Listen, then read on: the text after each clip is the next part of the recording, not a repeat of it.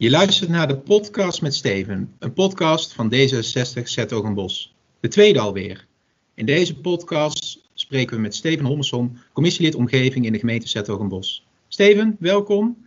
Voor degenen die je nog niet kennen, zou je jezelf kort willen voorstellen? Dankjewel Niels, dat doe ik graag. Ik ben uh, Steven Hommelsom. Ik ben uh, in het dagelijks leven uh, docent bij Avans Hogeschool in, bij de opleiding Ruimtelijke Ontwikkeling geschoold als stedenbouwkundige. Uh, en daar ook in werkzaam geweest. Bij, uh, ooit begonnen bij de gemeente Tilburg. Uh, jarenlang adviseur geweest. en sinds vijf jaar ongeveer voltijds docent in het vakgebied dat mij lief is. Kijk. En je bent ook namens D66 raadscommissie omgeving in de gemeente Den Bosch. En wat houdt die rol precies in? Uh, dat ik mij uh, uh, mag bemoeien met vraagstukken op het gebied van ruimtelijke ontwikkeling, stedenbouw, ruimtelijke ordening, dat soort dingen, omgeving, mm -hmm. omgeving Dat ik dus heel invloedrijk ben, maar dat ik heel weinig stemrecht, of dat ik geen stemrecht heb in het politieke proces. Commissieleden zijn geen raadsleden en dus niet formeel in die zin benoemd en mogen niet meestemmen in de raad. Maar hebben wel bijvoorbeeld een meer een adviserende rol richting, richting de raad? Oh, je, de, ja, de, de, zeker. Uh, uh, de gesprekken, de discussies vinden ehm, eh, vooral plaats in, eh, in de commissie. Daar wordt de mening gevormd. Mm -hmm. meningsvormend is het wat je in de, in, de, in de commissies met elkaar bediscussieert. Zodat je op basis daarvan een standpunt kunt innemen over de besluitvorming. De cyclus die wij kennen is eerst informeren, in, geïnformeerd raken door uh, wat het college te bieden heeft of door wat bewoners uh, op de agenda zouden willen hebben. Daar spreek je dan over in een commissie. En daar ben ik dan woordvoerder op de vlakken van stedenbouw, ruimtelijke ontwikkeling, omgeving. en dat gaat dan natuurlijk over concrete plannen en over zoiets als belangrijk als een woonvisie. Ja, doe het samen met Geert uh, Verbrugge, die uh, uh, andere beleidsthema's heeft, mobiliteit en energie, die ook vraagstukken zijn die, die in de commissie zitten. En wij verdelen dus de taken, bespreken dat en leggen dat terug in de fractie. In de fractie telt mijn stem wel mee, al komt het nooit echt op stemmen aan. Wij proberen gewoon elkaar te overtuigen van goede argumenten. in, in de raad wordt dat dan uiteindelijk bediscussieerd. Um. En um, ja, in, in zover, eh, als het al is iets dat, dat je in een commissie besluit, dan is dat wel dat je je kunt uitspreken of iets nog in de raad moet worden besproken. Mm -hmm. Als je zegt van we zijn het met elkaar eens over dit, dit thema, dan wordt iets een hamerstuk. Dan, dan, dan heb je dat als commissielid, daar, dan mag je dat wel zeggen of je het een hamerstuk vindt of niet. Precies, dus, ja. Maar ja, op het moment dat, dat, er, dat, dat, de, dat de raad verdeeld is, dan, uh, dan komt het, uh, dat, de, sorry, dat de commissie verdeeld is, dan komt het in de raad. En dan wordt er in de raad uh, politiek besluit genomen. Helder, helder. Dankjewel ook voor deze, voor deze toelichting. Um, ja, Steven, we spraken elkaar vooraf kort over de inhoud van de podcast. Uh, en het leek ons beiden interessant om juist ook over die ontwikkelingen te praten binnen jouw portefeuille. Ruimtelijke ontwikkeling, stedelijke transformatie, wonen, grondzaken, eigenlijk wat je net ook schetste. Um, en het onderwerp dat meteen bij ons naar boven kwam, uh, dat is de woonvisie. Uh, nou is die woonvisie onlangs vastgesteld in de Raad. Maar um, wat is eigenlijk een woonvisie voor jou? En waarom vind jij dat een woonvisie belangrijk is voor, uh, voor Zethogenbos? Een woonvisie is voor mij een, het vastleggen van langetermijnbeleid. Wat je dus met elkaar vastlegt als raad. En waarbij je de kaders schetst voor uitvoering van beleid door het college. Dus dat is een heel belangrijk instrument. Visies zijn heel belangrijke instrumenten. Daarmee zet je een stip op de horizon. En deze, in dit geval is die stip uh, best wel ver weg, tien jaar ver. Uh, en voor de tien jaar zeg je dan uh, van nou wij willen dat dit college en de volgende colleges ehm, op een specifieke manier omgaan met de woonagenda. Ja. Dus, wel, dus dat, is, dat is iets heel belangrijks. Uh, voor Den Bosch is dat ook uitermate belangrijk, omdat je uh, beleid wilt maken. En je wil, er, zijn, er is heel veel vraag naar woningbouw in Den Bosch. en er zijn wat minder plekken beschikbaar dan dat er vraag is. Mm en ehm, beleidskaders helpen je bij het maken van keuzes. Ehm, en als je dus ehm, eh, bijvoorbeeld in een woonvisie zou zeggen van ja, eh, de aandacht ligt vooral op de bestaande woningen, een bestaande woningvoorraad en de mensen die er wonen, en zegt van er hoeven er niet meer bij, nou dan is dat wat anders dan wanneer je zegt van ja, we hebben een grote opgave en er moeten heel veel woningen bij en we hebben geen terrein beschikbaar, dus het moet in de binnenstad. Nou, en daar, daar, ging natuurlijk de discussie over. Um, het is eigenlijk geen van beide geworden. Het is niet alles in de binnenstad en ook niet niks bouwen. Het is dus overal plekken zoeken.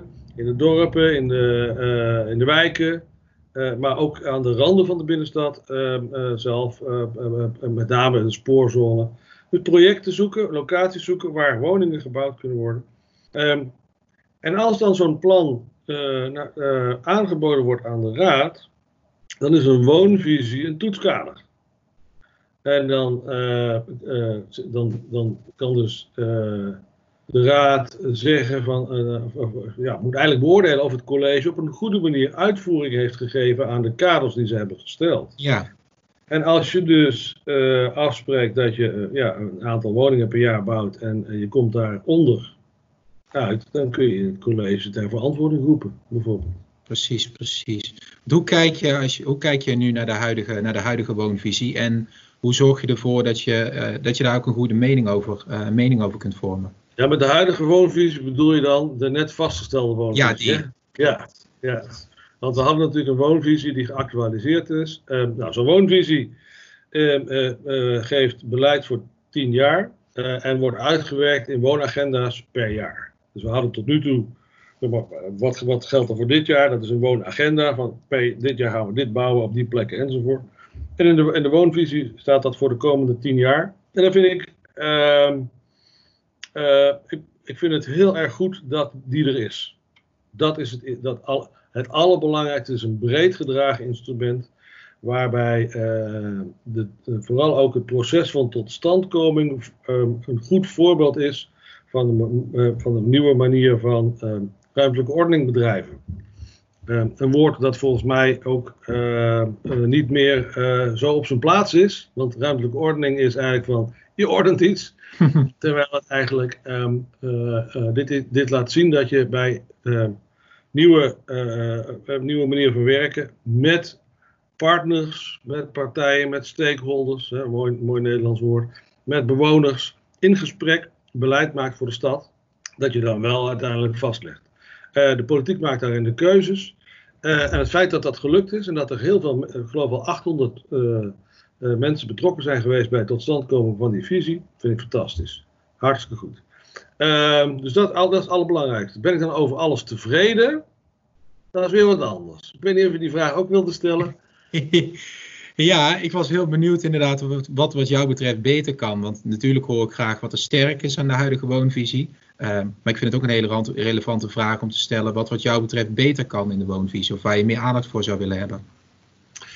Ik ben, uh, um, nou, ik, moet zeggen, ik heb me sterk gemaakt um, uh, om minder in stenen te denken en meer in huisvesten van, van mensen. Stenen is een doel eh, geen doel op zich, maar een middel om mensen te huisvesten. Ehm, en ehm, er is een hele discussie geweest over normen eh, en kern, kerngetallen, ehm, die eigenlijk eh, het debat heeft bepaald. Waarbij dan gezegd is, uiteindelijk in een abonnement, dat wij 30% sociale huurwoningen zouden moeten gaan bouwen. En 20% uh, middeldure huurwoningen. Mhm. Om daarmee de belangrijkste woningnood te ledigen. Um, ik denk dat dat eigenlijk um, ja, een foute discussie is.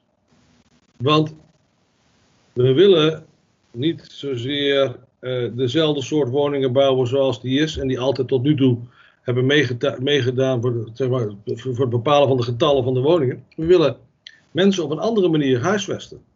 Uh, kleinere woningen bouwen.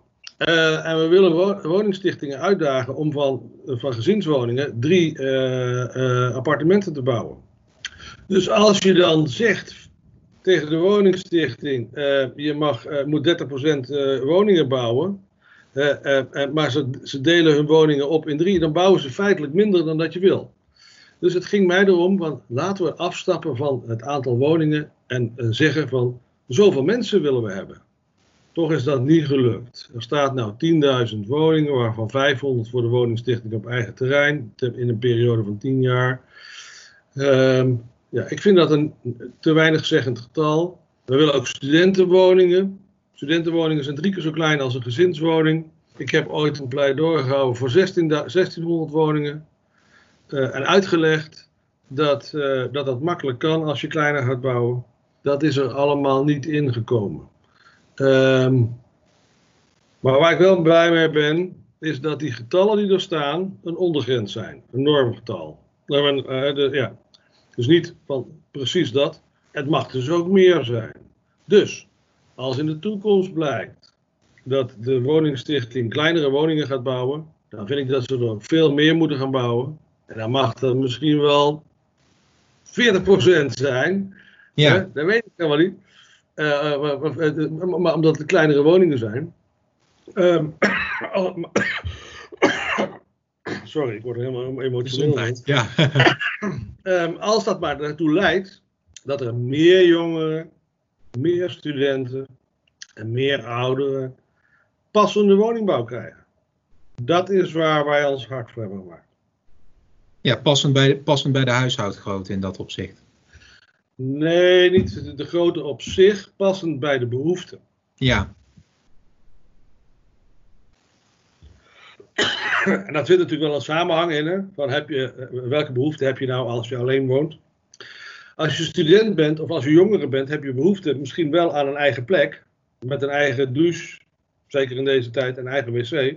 Maar misschien ook wel met een gemeenschappelijke plek om uh, elkaar te ontmoeten. Uh, uh, um, en dat geldt misschien ook wel voor ouderen. je kan best wel wat kleiner wonen als je ook maar wat gemeenschappelijk hebt. Een soort woongroepachtige iets zonder dat je daar gelijk een CPO-project van moet maken. Ja, ja, ja. Hey, maar kijk je daarbij ook bijvoorbeeld naar voorbeelden in andere gemeentes? Of waar baseer je zeg maar veel van, de, van, de, van de argumenten die je hebt? Um, naar welke bronnen kijk je dan specifiek? Ik lees veel, uh, niet alleen omdat ik dat uh, beroepshalve moet, maar omdat ik dat ook leuk vind, daar interesse voor heb en mij een mening te vormen over wat er in de maatschappij gebeurt en welke dingen er spelen. En um, ja, dan zie je toch wel dat er een uh, veranderende behoefte is. Het opmerkelijke is overigens dat die behoefteverandering um, eigenlijk niet zozeer in de mens zelf zit, denk ik. Uh, uh, maar dat die jarenlang genegeerd is geweest. Mm-hmm. Als je kijkt naar, de, naar, de, naar het beleid, wat, uh, de, de, ruimtelijke ordening, waar we het over hebben, naar het beleid dat jarenlang gevoerd is, daar, dan is ehm, eigenlijk de woningopgave gerelateerd aan ehm, een soort woningtypologie, gerelateerd aan ja, levensfase. En alle mensen zijn zoveel mogelijk gelijk, hebben allemaal dezelfde soort woning en klaar. Dat was toen al niet waar. Uh, alleen was er geen aandacht voor. Er werd, werd, werd, vanuit de ruimtelijke ordening gedacht: we moeten de woningnood oplossen. En we bouwen zoveel mogelijk uh, volgens een bepaald principe. Verstandig ja. is hier. Uh, hartstikke handig.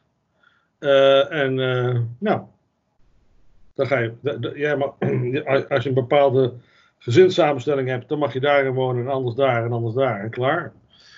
Um, nu er veel meer aandacht is voor wat mensen vragen, komen ook oude behoeftes, die er altijd al waren, veel meer aan bod. Alleen onze woningvoorraad is daar nog niet op afgestemd. En dat betekent dat je niet dat je die andere dingen dat die overbodig zijn, want heel veel mensen zijn erin gelukkig, maar dat juist uh, er een tekort is aan woonwensen en woonbehoeften die, uh, ja, die, die eigenlijk na de oorlog nauwelijks gebouwd zijn. En natuurlijk zit er ook wel iets uh, van veranderende sa samenstelling van leven. Ehm, maar dat ja, vind ik ook een soort kip-ei verhaal. Ehm, vroeger mocht je niet alleen wonen of mocht je niet samen wonen. Hè? Uh, dat mag nu allemaal wel. Dat hadden ze misschien toen ook wel gewild. Uh, dus, dus dat is eigenlijk. ik kom dus tot, tot die gedachte door heel veel te lezen, door heel breed te oriënteren en mijn maatschappijvisie daarop te baseren. en ehm, ja, ik, ik, laat mij inspireren door. Ehm, ehm, dus ik heb twee boeken gelezen die ik. Die ik of twee, eh, nou, nou, nou, eigenlijk is het twee schrijvers gelezen. Die uh, voor mij heel erg vormend zijn geweest de laatste tijd. En voor iedereen aan te bevelen. Ten eerste, Hans Rusling heet hij volgens mij. Feitenkennis. Een Zweeds arts die ons vertelt dat wij ons altijd baseren op uh, meningen die we eigenlijk in de middelbare schooltijd hebben aangeleerd en daar nauwelijks meer in ons ontwikkelen. Kijk naar de feiten, oriënteer je op hoe de samenleving nu is uh, en, en, en, en, doe dat en maak daar je beleid op. Dat vond ik heel belangrijk. En tweede is uh, Yuval uh, Harari, van, die ja, een paar mooie boeken heeft geschreven. Sapiens en Homo Deus en laatst yeah. 21 lessen voor de 21ste eeuw. Nou, fascinerend over waar wij allemaal mee bezig zijn en hoe we allemaal zijn. Nou, dat is voor mij heel belangrijk om tot mijn mening te vormen. Precies. Te komen over hoe je dingen moet doen. Dat vind ik heel mooi om te horen. Hey, zijn er nou ook bepaalde accenten die je graag nog zou willen leggen als je kijkt naar de, als je kijkt naar de woonvisie? Want de woonvisie schetst natuurlijk inderdaad, zoals je aangeeft, ook het kader voor de komende, voor de komende tien jaar. Maar zie je, zie je binnen dat kader bepaalde accenten die je graag zou willen leggen? Nou, uh, wij houden niet alleen zelf, maar ook uh, landelijk een pleidooi voor het bouwen van middeldure huurwoningen. Mm -hmm. Dat doen we niet zomaar. Dat doen we omdat uh, die bedoeld zijn voor een groep bewoners die niet zelfstandig aanspraak kunnen doen op woningen. Ja zijn net, net, komen net niet in aanmerking voor sociale huur. Uh, uh, en hebben ook geen mogelijkheid tot koop en aftrek van hypotheek of wat dan ook. Komen er net groep, in. Ja, echt die groep die tussen wal en schip valt. Ja, ja. Daar vind ik dat we aandacht voor moeten hebben. En het is juist die groep. er vond een discussie plaats over de, de woonvisie over gentrification. Een moeilijk woord, dat is eigenlijk van verdringing van mensen van binnen naar buiten. Nou, wat je ziet in grote steden, en wat ik bang ben dat er in de bos ook gaat gebeuren, is dat de binnensteden maar voor twee soorten bewoners toegankelijk zijn. Zij die, die in aanmerking komen voor sociale huurwoning, mm en zij die heel veel geld hebben. Dat is niet goed voor de kwaliteit van het wonen in de, in de binnenstad. Uh, voor, uh, maar ook niet voor wat er buiten zit. Want dat betekent dat de schil eromheen, daar wordt dan een beroep op gedaan. En dat zijn vaak ook de jonge mensen die, eh, die eh, ja, net aan het starten zijn en die gaan, vestigen zich dan in de, in de ringen rond de steden. En, in ja. steden en, en, die mensen gaan zich ontwikkelen en die, die, die, zijn ook voor, die zijn voor allerlei vernieuwingen, ook jonge mensen zijn voor allerlei vernieuwingen ook verantwoordelijk. En die vertrekken dan uit die steden. En uh, dan worden de steden worden of, uh, ja, of krijgen een soort, ja, ja, zou zeggen, tweezijdige, tweezijdige bewoning. Hè? Sociaal -hmm. en, en, en rijk. En, en, en, die rijken ja, die, maken, ja, die willen andere, andere dingen hebben dan, dan, dan of in ieder geval niet een compleet aanbod in zo'n stad hebben. En dat is wat je zonde vindt. En wat ook een bedreiging is in een bos. Hè. Er is, van een bos wordt gezegd dat het een hele leuke stad is. En voor mensen zoals jij en ik in de leeftijd waar we even verkeren, is dat ook wel zo.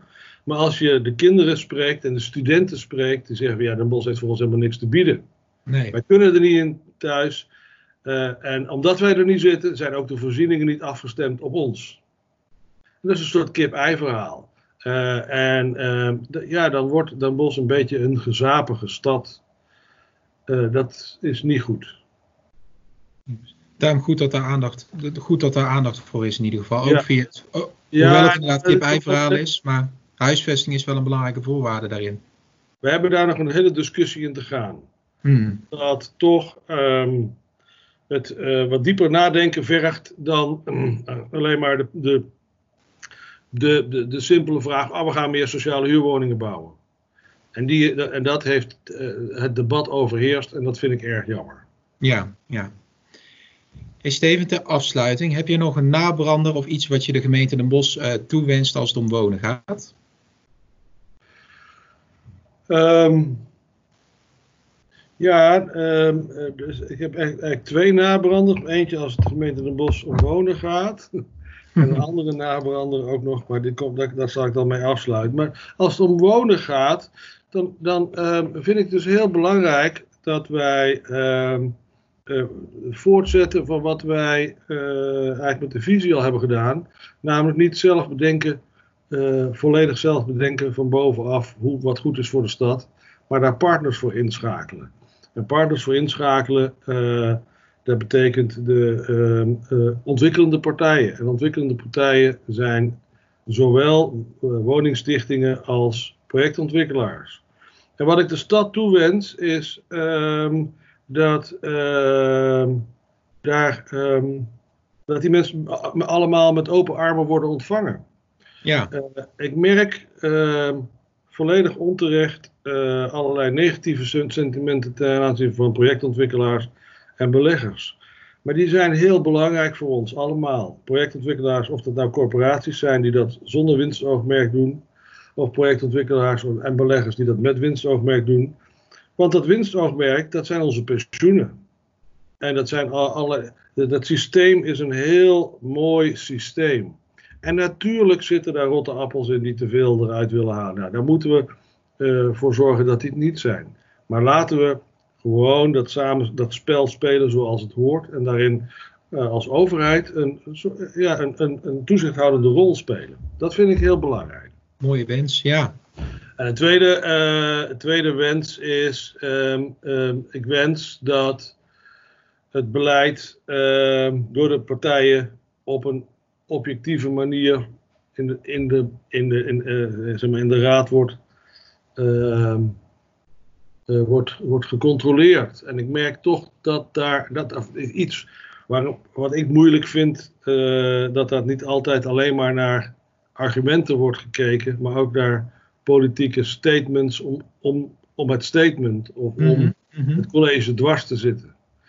Um, dat is natuurlijk ook wel aan de orde. Dat begrijp ik ook wel, maar dat is niet wat, niet wat, wat mij heeft doen uh, uh, besluiten om in zo'n commissie te zitten. En uh, ik hoop dat dat niet de overhand krijgt. Um, aan de andere kant is dat ook wel een juist een uh, reden waarom ik zou kunnen zeggen dat ik als commissielid op zijn plek ben. Uh, en dat raadslid, ja, dat dat toch inderdaad toch weer iets anders is. Ja, ja dat vind ik, vind een, hele mooie, vind ik een hele mooie afsluiting van dit gesprek. Dank je wel, ook voor het fijne en interessante gesprek. Dank ook aan de luisteraars. Um, nou, zijn er nu nog onderwerpen die je graag terug hoort komen in een volgende podcast? Uh, dan horen we dat graag. Deel ze gerust met ons via social media of via, via www.zetogenbos.d66.nl. Dank jullie wel voor het luisteren en tot de volgende podcast.